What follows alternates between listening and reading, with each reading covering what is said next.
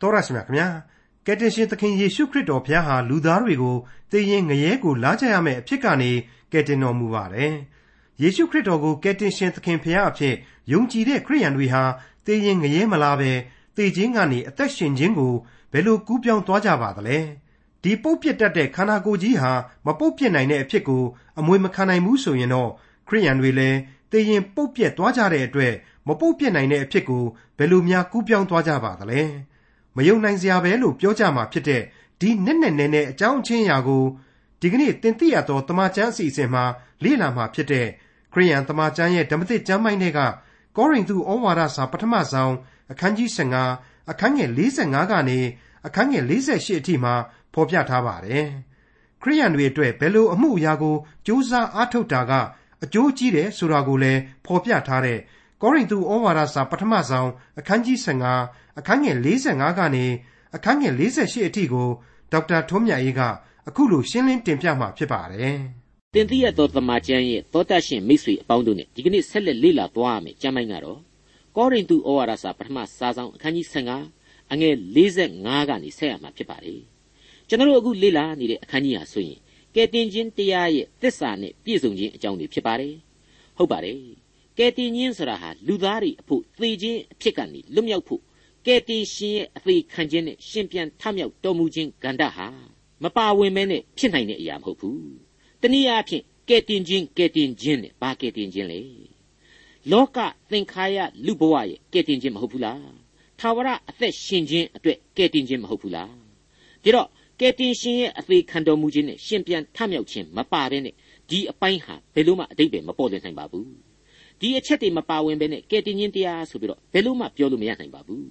အခုဒီသခင်ဟာကျွန်တော်တို့အတွက်လူစားတိကိုခံယူတယ်ကားတိုင်းချက်မှာအသေးခံပြီးတဲ့နောက်သုံးရက်အကြာမှာအမှန်ပင်ရှင်ပြန်ထမြောက်တော်မူခဲ့ပြီဆိုတာကိုသစ္စာစကားနဲ့သစ္စာတရားများအဖြစ်တမန်တော်ကြီးရှင်ပေါလုဟာဆုံးမဩဝါဒစာကိုရေးသားနေတဲ့အပိုင်းဖြစ်ပါတယ်အခုရှင်ပြန်ထမြောက်တော်မူခြင်းဆိုတာဟာခရစ်တော်ရဲ့အသေးခံတော်မူသောယုတ်ဝါဟာယုတ်တရက်နဲ့ပြန်လေရှင်ပြန်ထမြောက်တာသာဖြစ်တယ် ဝိညာဉ်သဘောအရသူ့ဝိညာဉ်ကတော့ပြန်ပြီးတော့ရှင်စရာမလိုတဲ့သာဝရအသက်ရှိပြီးသားဖြစ်တဲ့အလျောက်ဝိညာဉ်ရေးအရာပြန်ပြီးရှင်တာမဟုတ်ဘူးဖျားသခင်ရဲ့ဝိညာဉ်တော်ကိုဘယ်လိုနည်းနဲ့မှတတ်လို့လည်းမရတတ်လို့လည်းသေမှလည်းမဟုတ်တော့ပြန်ပြီးတော့ရှင်ပြန်ဖို့ဆရာဟာလည်းမလိုဘူးဆရာကိုအခိုင်အမာတင်ပြရင်းနေအခုတမန်တော်ကြီးရှင်ပေါလုဖော်ပြနေတဲ့ရှင်ပြန်ထမြောက်တော်မူခြင်း resurrection ရဲ့အတိတ်ပဲအကြောင်းကိုကျွန်တော်ဒီနေရာမှာအနည်းငယ်ရှင်းပြခြင်းပါတယ် resurrection ဆိုတဲ့အဓိပ္ပာယ်ဟာကိုယ်ခန္ဓာပြန်လဲအသက်ရှင်ခြင်းပေါ်မှာအဓိကဖော်ပြနေတဲ့အချက်ဆိုတာကိုကျွန်တော်ပြီးခဲ့တဲ့အပိုင်းမှာတော့လည်းတင်ပြခဲ့ပြီးပါပြီဒီတော့ကျွန်တော်ယုံကြည်သူအပေါင်းတို့ဟာလေခရစ်တော်ကိုယုံကြည်မယ်ဆိုရင်အဲ့ဒီ resurrection ဆိုတဲ့ကိုယ်ခန္ဓာပြန်လဲရှင်ပြန်ခြင်းသဘောတရားအတိုင်းပဲရုပ်ခန္ဓာကိုယ်ဟာဝိညာဉ်အသစ်ကိုဆောင်ယူပြီးတဲ့နောက်ခရစ်တော်ဒုတိယအကြိမ်ကြွလာတော်မူတဲ့အချိန်ရောက်လို့ရှိရင် ဝိညာဉ်တော်ရဲ့တကိုးနဲ့ပြန်လဲနိုးထလာကြရမှာဖြစ်တယ်ဆိုတဲ့အချက်တွေကိုကျွန်တော်ဖော်ပြခဲ့ပြီးပါပြီ။တစ်ချိန်တည်းမှာပဲကျွန်တော်ရဲ့ရုပ်ခန္ဓာကိုသေတဲ့နေ့မှာပဲချက်ချင်းပဲကျွန်တော်ဟာကယ်တင်ရှင်သခင်ခရစ်တော်အားဖြင့်အဖထာဝရဘုရားသခင်စီကိုဥတီကုသန်ရောက်ရှိသွားကြရလိမ့်မယ်ဆိုတာကိုလည်းကျွန်တော်ဖော်ပြခဲ့ပြီးပါပြီ။ထူးထူးခြားခြားကြီးရှင်းဆိုရလောက်အောင်လေးနဲ့တဲ့ဖော်ပြချက်တွေကို သင်သိရသောတမန်ကျမ်းရဲ့ရှေ့သင်ခန်းစာတွေမှာလည်းဆက်လက်ပြီးတော့တွေ့မြင်သွားကြအောင်မှာဖြစ်ပါတယ်။အခုအချိန်မှာတော့ကောရိန္သုဩဝါဒစာပထမစာဆောင်အခန်းကြီး15ရဲ့အငယ်45ကိုဖတ်ရှုကြည့်ကြပါအောင်စို့ကျမ်းစာလာသည်ကရှေးဥစွာသောလူအာရန်သည်အသက်ရှင်သောတတ္တဝါဖြစ်၏ဟုလာသည်ယခုတွင်နောက်ဆုံးဖြစ်သောအာဒံမူကားအသက်ရှင်စေတတ်သောဝိညာဉ်ဖြစ်၏ပြောခဲ့တဲ့အတိုင်းပဲခန္ဓာကိုယ်အရာလဲရှင်ပြန်မယ်ဆိုတဲ့နေရာမှာ ခရစ်တော်အားဖြင့်ရှင်ပြန်ခြင်းကြတော့အာရန်လူတတ္တဝါကိုမျိုးတော့မဟုတ်တော့ဘူးဝိညာဉ်လွှမ်းမိုးသောကိုယ်သာဖြစ်သွားရပြီကျွန်တော်တို့ပြီးခဲ့တဲ့သင်ခန်းစာမှာကြားခဲ့ရပြီးပြီလေမြေကြီးအကောင်အထည်လဲတစ်မျိုးရှိ၏ကောင်းကင်အကောင်အထည်ဤဂုံအထည်လဲတစ်မျိုးရှိ၏ဆိုပြီးတော့ဖော်ပြထားတယ်မဟုတ်ဘူးလားဒါကိုအခုပို့ပြီးတော့ရှင်းအောင်ဖော်ပြသွားမှာကတော့အငယ်46နဲ့48ပါပဲဝိညာဏကိုယ်သည်ရှေးဥစွာဖြစ်သည်မဟုတ် ဇာတိပဂရိကိုယ်သည်ရှေးဥစွာဖြစ်၏နောက်မှဝိညာဏကိုဖြစ်၏ရှေးဥစွာသောလူသည်မြေကြီးကဖြစ်သောကြောင့်မြေသားဖြစ်၏ဒုတိယလူမူကားကောင်းကင်ဘုံကဖြစ်တော်မူသောသခင်ပေတည်းပြက်ပြက်သားသားကြီးဖြစ်သွားပြီလို့ကျွန်တော်ခံယူပါတယ်တိတိကြကြကြီးလည်းရှင်းဆိုပြီးသားဖြစ်သွားရပါပြီလူစရာဟာမြေကြီးသို့မဟုတ်ရွှွန့်ကနေဘုရားသခင်ဖန်တီးလိုက်တာပါအဲ့ဒီဖန်တီးခံရသူဟာမြေကြီးကလာတဲ့အတွက်ကြောင့်မြေကြီးသားပဲပေါ့မြေကြီးသားမို့လို့လေအဲ့ဒီရုပ်ဝါကြီးဟာ နောက်ဆုံးမြေကြီးပြန်ဖြစ်သွားရတာပါပဲတချို့ကမီးတကြိုတာကိုမကြိုက်ကြဘူးမြေကြီးမဟုတ်ပဲပြာဖြစ်သွားလို့တဲ့အမှန်တော့ဘာမှမထူပါဘူးမြေကြီးနဲ့ပြာနဲ့ရောလိုက်တော့လေမြေကြီးပါပဲအခုကျွန်တော်ရဲ့ကိုယ်ခန္ဓာအသီးသီးကနေစိတ်ထွက်နေတဲ့စီးဆင်းထွက်နေတဲ့အရာတွေကရောအကုန်လုံးအညစ်အကြေးတွေကြီးပဲလीတွေးတာခေါ်တာကြတော့ကိုတနေ့တနေ့မှမြေကြီးနဲ့ဆိုင်တဲ့အတွေးတွေကြီးပဲမဟုတ်ဘူးလားဟောအဲ့ဒီမြေကြီးနဲ့စတင်ခဲ့တဲ့လူ ခရစ်တော်အားဖြင့်မြေကြီးရဲ့လူမဟုတ်တော့ပဲကောင်းကင်ဘုံနဲ့ဆိုင်သွားရပြီဒီနေရာမှာဆိုင်တယ်လို့သာပြောရဒါကတော့ဆိုင်ယုံသာဆိုင်ပြီးတော့မပိုင်သေးတဲ့အတွက်သာဆိုင်တယ်လို့ကျွန်တော်ဆိုလိုတာပါပိုင်ဖို့ဆိုတာကတော့လက်တကမ်းပဲလိုပါတယ်အဲ့ဒီလက်တကမ်းမှာကတော့ကောင်းကင်ဘုံကိုခေါ်ယူနိုင်သောကယ်တင်ရှင်သခင်ခရစ်တော်ဟာကျွန်တော်တို့ကိုစောင့်စားနေလေရဲ့ကောရိန္သုဩဝါဒစာပထမစာဆောင်အခန်းကြီး15အငယ်48မှ50မြေသားတို့သည်ထိုမြေသားကဲ့သို့ဖြစ်ကြ၏ ကောင်းကင်သားတို့သည်ထိုကောင်းကင်သားကဲ့သို့ဖြစ်ကြလိမ့်မည်ငါတို့သည်မြေသား၏ပုံသဏ္ဍာန်ကိုဆောင်နိုင်တဲ့ကဲ့သို့ကောင်းကင်သား၏ပုံသဏ္ဍာန်ကိုဆောင်ကြလိမ့်မည်ဘလောက်အားတက်စရာဝမ်းမြောက်စရာကောင်းတဲ့လူဘဝလေမျော်လင့်ချက်တွေဆိုတာဟာမကုန်ခန်းနိုင်ဘူးမြေသားမြေသားဘဝအလျောက်မသေးခင်မှာမြေကြီးနဲ့ဆိုင်တဲ့မျော်လင့်ချက်တွေဆွဲလန်းတက်မဲ့မှုတွေဒါတွေဘလောက်ပဲရှိနေနေလူဆိုတဲ့ဖန်ဆင်းကံပုံကိုယ်တို့ဟာကောင်းကင်သားအခွင့်အရေးကိုပါကြိုတင်ပိုင်ဆိုင်ခွင့်ရှိနေတယ်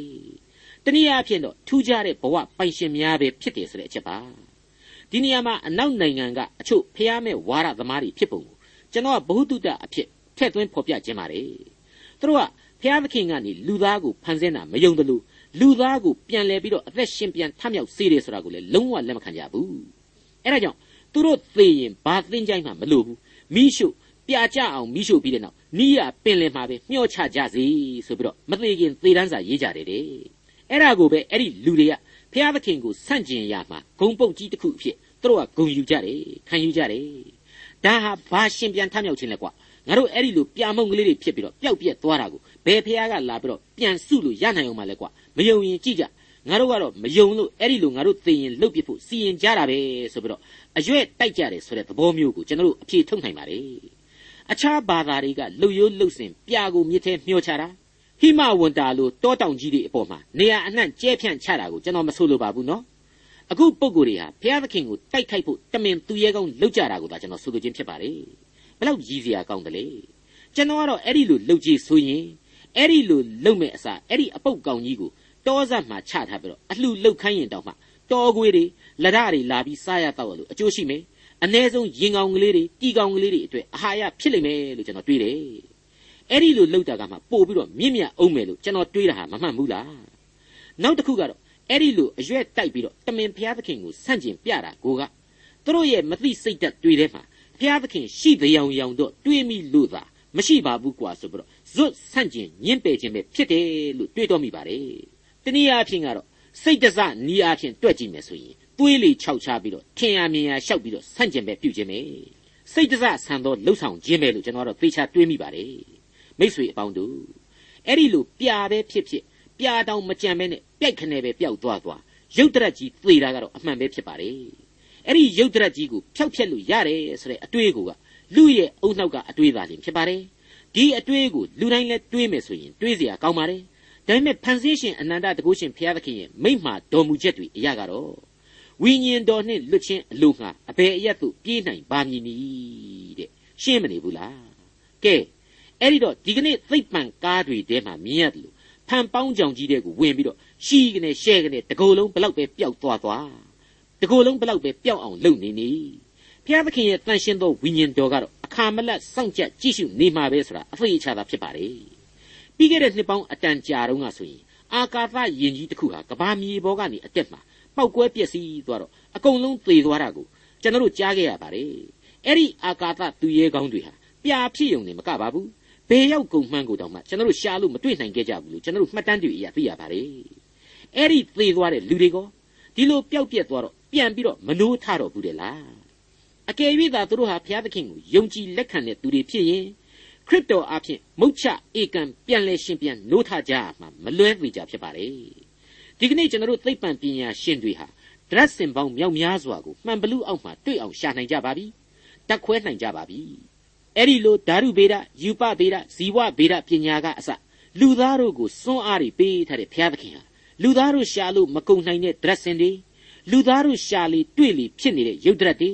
စัจ java လာအစင်းတစားတွေအလုံးကိုပိုင်ဆိုင်တယ်ဆိုတာကိုကျွန်တော်တို့သိကျွမ်းနားလည်ထားဖို့အထူးပဲအရေးကြီးလာပါတယ်။ဘာပဲပြောပြောအဲ့ဒီအချိန်ကာလမှာသေပြီးမှထမ်းမြောက်တယ်ဆိုတာကိုအဲ့ဒီခေတ်ကာလရဲ့ထိတ်တန်းအပိဓမ္မာကြီးတွေဟာပိတ်ဆို့ထားပါတယ်။ ဒီအပိဓမ္မာကြီးတွေအလုံးဟာခရစ်တော်ရဲ့ရှင်ပြန်ထမြောက်တော်မူခြင်းဆိုတာကိုလူသားတွေဘယ်လိုမှလက်သင့်မခံနိုင်လောက်အောင်လူသားအုံနှောက်တွေကိုလွှမ်းမိုးနေခဲ့ပါတယ်။မိတ်ဆွေအပေါင်းတို့ခမညာဒီကနေ့ကျွန်တော်တို့ရဲ့လူအဖွဲ့အစည်းဟာလေသမိုင်းရဲ့သင်ခန်းစာတွေကိုသုံးသပ်ရမှာပဲဖြစ်ဖြစ်အဘိဓမ္မာတွေကိုကိုးကားအသုံးပြုရမှာပဲဖြစ်ဖြစ်ဘုရားသခင်ကိုနဘေးချိတ်ပြီးတော့ကိုယ်လူသားအတွေ့အခေါ်ကိုယ်လူသားရဲ့ပညာတွေကိုသာဦးစားပေးတွေးခေါ်မျှော်မြင်နေကြပါသလားလက်တွေ့ကျင့်စဉ်များမှာကို ကယ်တင်ခြင်းတရားကိုကြောင်ထိုးထားပြီးတော့ကိုကောင်းမဲ့ထင်တာတွေကိုသာကိုစွန်းကိုစားနဲ့ရှာဖွေလုတ်ကင်နေကြပါလေသလားဒီအချက်တွေဟာပြန်လဲတွေးเสียလိုပါတယ်အဲ့ဒီလိုလှုပ်ဆောင်ခဲ့လေသမျှတော့လူသမိုင်းဂန္ဓအသီးသီးဟာလေအိပ်ပေါက်နဲ့ဖားကောက်တယ်လို့ပဲဘယ်တော့မှပြီးပြည့်စုံခြင်းမရှိတဲ့အရှုံးတန်တရားမှာသာတလဲလဲရှိခဲ့ရတယ်ဆိုတာကိုဝန်းနေပွေကျွန်တော်တို့သုံးသပ်အဖြေထုတ်နိုင်ပါတယ်မိတ်ဆွေအပေါင်းတို့ခမညာ လူသမိုင်းမှာဘယ်တော့မှများပြည့်ပြည့်စုံတဲ့အောင်မြင်ခြင်းဆိုတာဟာရှိခဲ့ဘူးတလေဒါဟာကျွန်တော်တို့လွယ်လွယ်လေးပြန်ပြီးတော့ထုတ်ယူနိုင်တဲ့အဖြေပါအဲ့ဒီလိုဝန်းနေပွေဆုံးရှုံးခြင်းတွေကြားတဲ့ကပဲဘုရားသခင်ကိုကြောက်ခိုင်းနေကြစေကိုလူသားအချင်းချင်းပဲအသင်းအပင်ဖွဲ့ပြီးတော့မိုက်အားကောင်းစေပဲဖြစ်တယ်လို့ကျွန်တော်တို့အလေးနဲ့ယူဆမိပါတယ်ကျွန်တော်တို့ဟာနှုတ်ကပတ်တော်ရဲ့အံ့ဩဖွယ်သွန်သင်ချက်များကိုအနုလုံပရိလုံစဉ်းစားပြီးတော့ကိုယ့်ရဲ့ဘဝအရေးကိုကိုယ်တိုင်ပဲ့ပြင်ဖန်တီးကြမယ်ဆိုရင် အောင်မြင်သောဘဝအသက်တာအသီးသီးကိုပိုင်ဆိုင်ကြရမှာမလွဲသေးကြတာဖြစ်ပါတယ်ကောရိန္သုဩဝါဒစာပထမစာဆောင်အခန်းကြီး15အငယ်90ညီအကိုတို့ငါဆိုသည်ကလူအသွေးအသားသည်ဖျားသခင်နိုင်ငံတော်ကိုအမွေမခံနိုင်ပုတ်တက်သောအရာသည်မပုတ်နိုင်သောအဖြစ်ကိုအမွေမခံနိုင်ဒါကတော့အလွန်တရာရှင်းလင်းနေတဲ့အချက်ပါနောက်ထပ်တောင်မှရှင်းစရာမလိုတဲ့အချက်ပါပဲမျိုးစေ့တစ်ခုဟာမြေအောက်မှာပုတ်ပြရပါတယ် ပြီးနောက်မှာတော့အသစ်သောအသက်နဲ့မျိုးဆက်နောက်ထပ်ရှင်သန်ရပါတယ်ကျွန်တော်အဖို့ပုတ်ပြတ်တတ်သောဘဝလူသားတ attva များဟာသေခြင်းမရှိဘဲနဲ့အသက်တရဖူကိုမရယူနိုင်ပါဘူးပြောင်းလဲခြင်းရှိကိုရှိရမယ်ဆိုတာကိုအတိအကျဆုံးဖော်ပြလိုက်ခြင်းနဲ့အတူတူပါပဲအခုချိန်မှာတော့ရှင်ပြန်ထမြောက်တော်မူခြင်းရဲ့တကောအာနိသင်များအကြောင်းကိုဆက်လက်လေ့လာဖို့အပိုင်းကိုရောက်ရှိလာပါပြီကောရိန္သုဩဝါဒစာပထမစာဆောင်အခန်းကြီး15အငယ်51မှ52ကိုနားဆင်ကြည့်ကြပါ နည်းနည်းသောအရာတစ်ခုကိုငါပြအောင်မည်ငါတို့ရှိသမျှသည်အိပ်ပျော်ရကြမည်မဟုတ်သို့တော်လည်းနောက်ဆုံးသောတဘိုးမှုတ်သောအခါတခဏချင်းတွင် မျက်စိတမိတ်၌ငါတို့ရှိသမျှသည်ပြောင်းလဲခြင်းသို့ရောက်ရကြလိမ့်မည်ထိုတဘိုးမှုတ်ခြင်းရောက်သောအခါသေလွန်သောသူတို့သည်မပုတ်နိုင်သောအဖြစ်၌တည်လျက်ထမြောက်၍ငါတို့ရှိသမျှသည်ပြောင်းလဲခြင်းသို့ရောက်ရကြမည်ဒီနေရာမှာအိပ်ပျော်ရကြမည်မဟုတ်ဆိုတာကတော့ သေတာနဲ့ပဲတုံငနဲ့ဘဝဟာမှောင်ကျသွားရတာမဟုတ်ဘူးဆိုတာကိုရှင်ပေါလုရှင်းရှင်းလေးဖော်ပြလိုက်ခြင်းဖြစ်ပါတယ်အဲ့ဒီလျှို့ဝှက်နဲ့နေတဲ့ပြဿနာတွေဟာဓမ္မဟောင်းကာလကလေးကလူသားတွေအဆက်ဆက်တွေးခဲ့ကြပြီးဖြစ်ကြတယ်အခုအချိန်မှာတော့ခရစ်တော်ရဲ့ရှင်ပြန်ထမြောက်တော်မူခြင်းကျေးဇူးတော်အဖြစ်ရှင်းလင်းသွားရပြီဆိုတာကိုရှင်ပေါလုဒီနေရာမှာအထူးပြုလိုက်ပါတယ်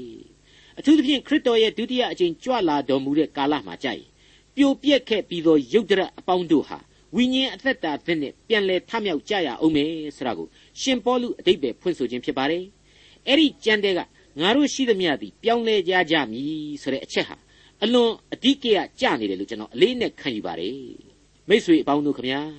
ကဲတင်ခြင်းတရားကိုအမှန်တကယ်ခံယူခြင်းတဲ့သူခရစ်တော်အားဖြင့်သာဝရအသက်ဆုကျေးဇူးကိုရယူလိုသူမှန်တဲ့၍တို့ဟာအမှန်တကယ်ပဲပြုပြင်ပြောင်းလဲခြင်းကိုခံရကြမှာဖြစ်ပါတယ် နောက်ဆုံးတဘိုးကိုမှုတ်သောအခါဆိုတာကိုဗျာဒိတ်ကျမ်းအခန်းကြီး1အငယ်30ကနေ73အတွင်းမှာအခုလိုဖွင့်ဆိုထားတာတွေ့ရပါတယ်သခင်ဖျားဤနေ၌ဝိညာဉ်တော်ကိုခံရ၍တဘိုးခရာကဲ့သို့ငါနောက်၌မြည်သောအသံကြီးကိုငါကြား၏တဲ့အဲ့ဒီအချက်ကိုအဲ့ဒီကျမ်းရဲ့အစမှတွေ့ရပြီးတဲ့နောက်မှာတော့ဗျာဒိတ်ကျမ်းဆရာဟာကယ်တင်ရှင်သခင်ခရစ်တော်ကိုဆက်လက်ပြီးတော့တွေ့မြင်ရတယ်ဆိုတာကိုပါဖော်ပြထားပါသေးတယ်ဟုတ်ပါတယ်ဒီကယ်တင်ရှင်သခင်ခရစ်တော်ဟာ နောက်ဆုံးအချိန်ကြွလာတော်မူတဲ့အခါမှာရှင်ယောဟန်ခရစ်ဝင်ကျမ်းအခန်းကြီး7အငယ်53မှာတွေ့မြင်ရတဲ့အတိုင်းပဲလာဇရုထွက်ခဲ့လော့ဆိုပြီးတော့ကျွန်တော်တူးချင်းကိုလက်ရက်ခေါ်မှာဖြစ်ပါတယ်အဲ့ဒီအဖြစ်တွေဟာတခဏအချင်းအတွင်းမှာသာလျှင်အံ့ဩပွေပောက်ကွဲဖြစ်ပေါ်ခြင်းနဲ့တူလိုက်မယ်ဆိုတာကိုရှင်ပေါလုဖော်ပြလိုက်ပါတယ်ဒီနေရာမှာရှင်ပေါလုသုံးဆွဲထားတဲ့အသုံးအနှုန်းကတော့မျက်စိတမိတ်အတွင်းတဲ့တမဟုတ်ချင်းဆိုတဲ့အတိတ်ပဲပေါ့ အငယ်53ယခုမျက်မှောက်ပုတ်တတ်သောအရာသည်မပုတ်နိုင်သောအဖြစ်သို့ဝင်စားရမည်ယခုမျက်မှောက်သေးတတ်သောအရာသည်မသေးနိုင်သောအဖြစ်သို့ဝင်စားရမည်ဘဝရဲ့မဟာမျှော်လင့်ချက်တို့ဟာအဲ့ဒါတွေပါပဲကျွန်တော်ရဲ့မျက်မှောက်ကာလလူဘဝဟာဆိုရင်တနေ့ရွှေတနေ့ငွေဆိုသလိုတထိတ်ထိတ်ရှင်သန်ရာဘဝတွေပဲဖြစ်တယ်ဆိုရင်ဘယ်သူညင်းနိုင်မှာတော့ပုတ်ပြတ်တတ်တဲ့သင်္ခါရသဘောတရားကိုလူသားတို့ဟာတနေ့တခြားပို့ပြီးတော့တွေးခေါ်ရင်းနဲ့ သေနေကိုသာဥတီလျှောက်လှမ်းနေကြရပါတယ်အကယ်၍သာကယ်တင်ရှင်နဲ့အစဉ်တစိုက်အသက်ရှင်သန်မယ်သူ့အလိုတော်နဲ့အညီအသက်တာလမ်းခရီးကိုရဲဝံ့စွာရှောက်သွားမယ်ဆိုရင်တော့အဲ့ဒီသေနေဟာကောင်းကင်ဘုံမှာခိုနားရမှာဖြစ်တဲ့မပြောင်းလဲနိုင်သောအသက်နေအဖြစ်မုတ်ချပြောင်းလဲရင်ဆိုင်ရမယ်နေ့သစ်တည်းရဲ့အဖြစ်အလိုလိုဖြစ်ပေါ်လာရပါလိမ့်မယ်အဲ့ဒါဟာဖျားသခင်ရဲ့ကျေးဇူးတော်ပါပဲ အဲ့ဒီလိုအတွေးကလေးတစ်ခုနဲ့ရှင်သန်ဖို့ဆရာဟာလေလူမို့လို့သာလျှင်ဒီလိုအခွင့်အရေးကိုရရှိခြင်းဖြစ်ပါတယ်အဟိတ်တရိษံတကောင်သာဆိုရင်တော့ဒီလောက်တွေးเสียအကြောင်းမရှိသလိုတွေးဖို့လည်းအရှင်းလိုအပ်တော့မှာမဟုတ်ပါဘူးမိษွေအပေါင်းတို့ခမညာကိုယ့်ရဲ့ဖန်ဆင်းခံရခြင်းလူဘဝရဲ့တန်ဖိုးကိုအလေးအနက်မှတ်သားခံယူကြပါစို့ကောရိန္သုဩဝါဒစာပထမစာဆောင်အခန်းကြီး15အငယ်54ဤပုတ်တက်သောအရာသည်မပုတ်နိုင်သောအဖြစ်သို့၎င်း ဤသေးရသောအရာသည်မသေးနိုင်သောအဖြစ်သို့၎င်းဝင်စားသောအခါသေခြင်းသည်အောင်ခြင်း၌နစ်မြုပ်ပြီးဟုကျမ်းစာ၌လာချက်ပြည့်စုံလိမ့်မည်နှုတ်ကပတ်တော်ရဲ့အတိတ်ကျမ်းချက်တွေဟာအဲ့ဒီလိုသေခြင်းကိုမကြောက်ဖို့နဲ့အသက်လန်းပျောက်မှာကိုသာစိုးရိမ်ကြဖို့ဆိုတာကိုအစဉ်တစိုက်ညွှန်ပြသွားခဲ့ပါတယ်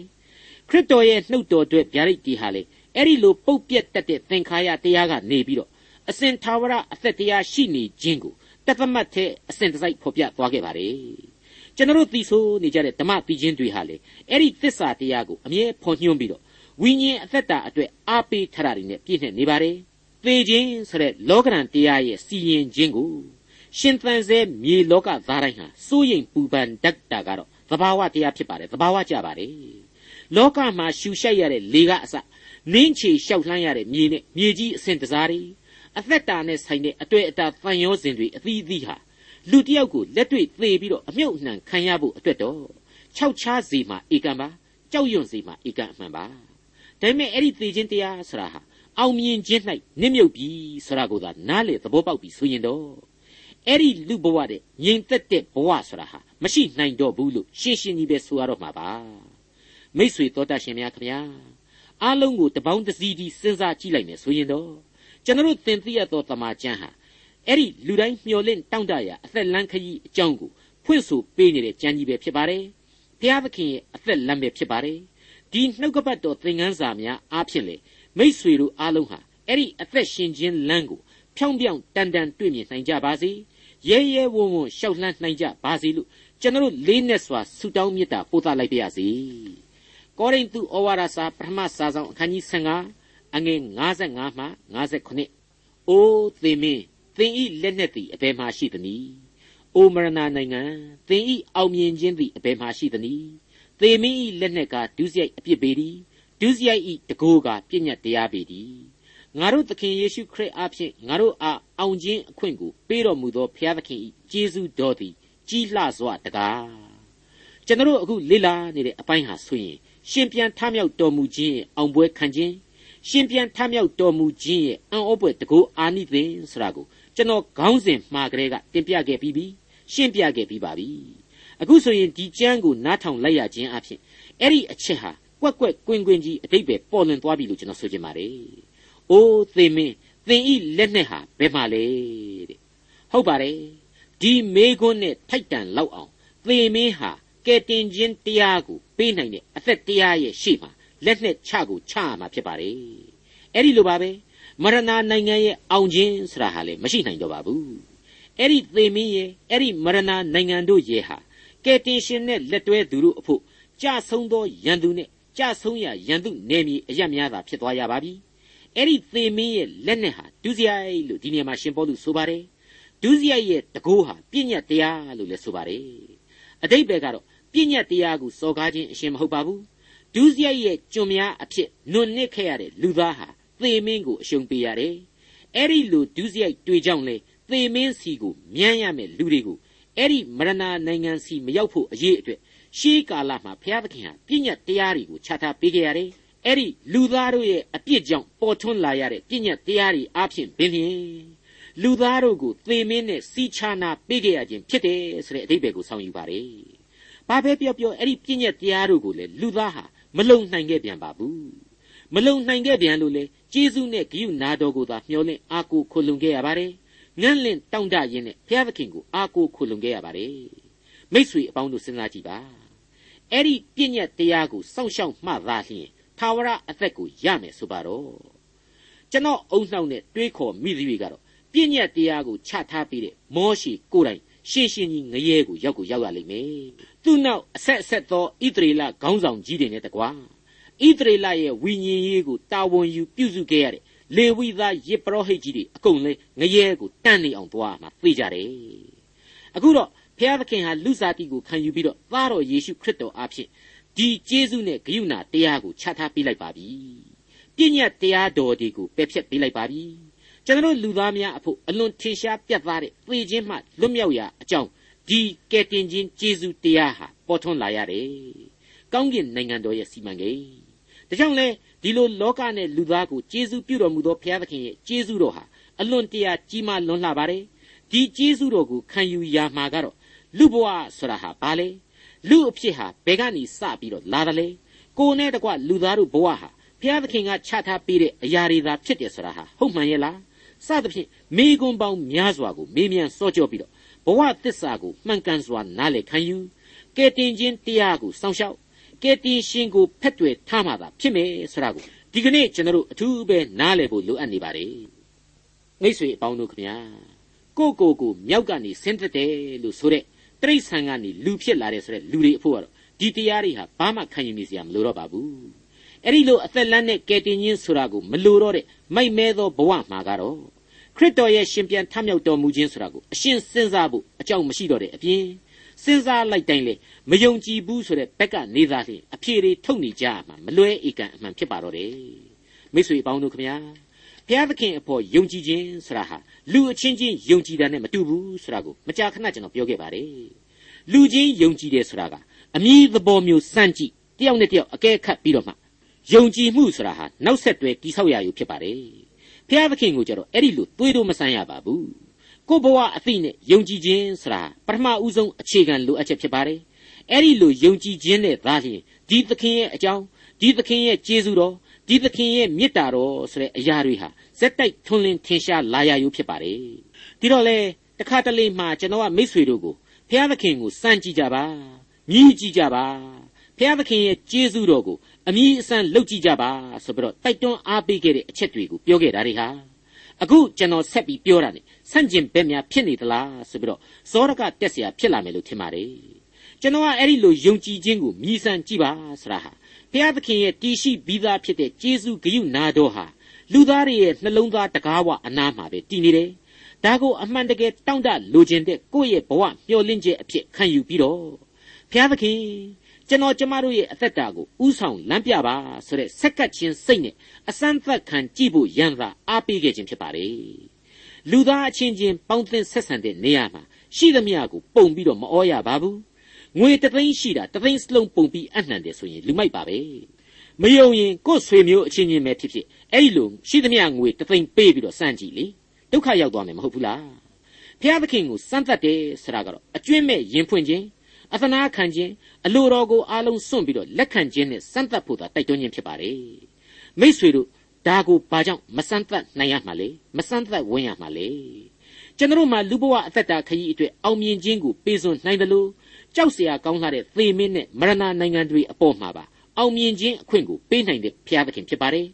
ဒါကြောင့်လေတမန်တော်ကြီးရှင်ပေါလုကနေပြီးတော့ငါတို့သခင်ယေရှုခရစ်အားဖြင့်ငါတို့အားအောင်ခြင်းအခွင့်ကိုပေးတော်မူသောဘုရားသခင်ယေရှုတော်သည် ကြီးမြတ်လှစွာတကားဆိုပြီးတော့ချီးမွမ်းထောမနာပြုလိုက်ခြင်းသာဖြစ်ပါတယ်။ကောရိန္သုဩဝါဒစာပထမစာဆောင်အခန်းကြီး15အငယ်58ဏိကုံထို့ကြောင့်ငါချစ်သောညီအကိုတို့သင်တို့သည်သခင်ဖျား၏အမှုတော်ကိုဆောင်ရွက်၍အကျိုးကြီးသည်ကိုသိမှတ်သဖြင့်တည်ကြည်သောစိတ်နှင့်ပြည့်စုံ၍မရွေ့မလျော့မတိမ်ရင်ပဲလျက်သခင်ဖျား၏အမှုတော်ကိုကြိုးစားအားထုတ်ကြလော့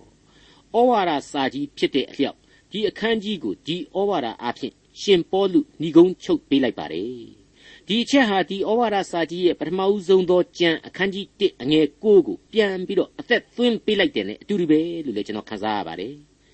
ခရစ်တော်နဲ့ဆက်ဆံခြင်းကျေးဇူးတော်ကိုသင်တို့အားပေးသနာတော်မူသောဘုရားသခင်သည်သစ္စာနှင့်ပြည့်စုံတော်မူ၏ဆိုတာကိုအဲ့ဒီအဖွင့်ကျမ်းမှာဖော်ပြထားခဲ့ပါတယ်တနည်းအားဖြင့်ကတော့ ကျွန်တော်ကျမတို့ဟာခရစ်တော်ကယ်တင်ရှင်နဲ့မိသဟာယပြုခွင့်ရသောသူများဖြစ်လို့ဘုရားသခင်ရဲ့တစ္ဆာတရားကိုနားလည်ကြရလိမ့်မယ်တစ္ဆာတရားကိုနားလည်သူတို့ဟာတစ္ဆာကိုစောင့်သိယူသည်ပြီးတော့ဒီသခင်ရဲ့အမှုတော်ကိုစ조사ပြီးတော့ထမ်းဆောင်ကြရမယ်ဆိုတဲ့အချက်ကိုဖော်ကျူးလိုက်တာပဲဖြစ်ပါတယ်ပြီးတော့အခန်းကြီး2ရဲ့ဏိဂုံးပိုင်းမှာကျတော့ခတ်သိမ်းသောအရာတို့ဟာကျွန်တော်အတွက်ဖြစ်တယ်လို့ကျွန်တော်ဟာခရစ်တော်အတွက်ဖြစ်ကြတယ် ကယ်တင်ရှင်သခင်ခရစ်တော်ဟာလေဖျားသခင်အတွက်ဖြစ်တယ်ဆိုတဲ့အချက်ကိုဆက်လက်ဖော်ပြထားခဲ့ခြင်းကိုလေကျွန်တော်မျက်ဝါးထင်ထင်တွေ့ခဲ့ကြပြီးပါပြီကျွန်တော်ဟာဘဝကိုကြောက်ရွံ့နေစရာအကြောင်းအရှင်းမရှိပါအမြင်ကြည်လင်နိုင်ကြပါစေပြီးတော့လူသားတို့ရဲ့အသက်တာဆရာဟာတခြားမဟုတ်ခရစ်တော်အားဖြင့်အောင်ပွဲနဲ့ကြော်ဖြတ်ရန်အချိန်ကာလသာဖြစ်တဲ့အကြောင်းထင်ရှားနေပါတယ်ခင်ဗျာ ဒေါက်တာထွန်းမြတ်ရေးစီစဉ်တင်ဆက်တဲ့တင်ပြတော်တမချန်းအစီအစဉ်ဖြစ်ပါတယ်နောက်တစ်ချိန်အစီအစဉ်မှာခရိယန်တမချန်းဓမ္မသစ်ကျမ်းပိုင်းတွေကကောရိန္သုဩဝါဒစာပထမဆောင်ရဲ့နောက်ဆုံးအခန်းကြီးဖြစ်တဲ့အခန်းကြီး16ကိုလေ့လာမှဖြစ်တဲ့အတွက်စောင့်မျှော်နားဆင်နိုင်ပါတယ်။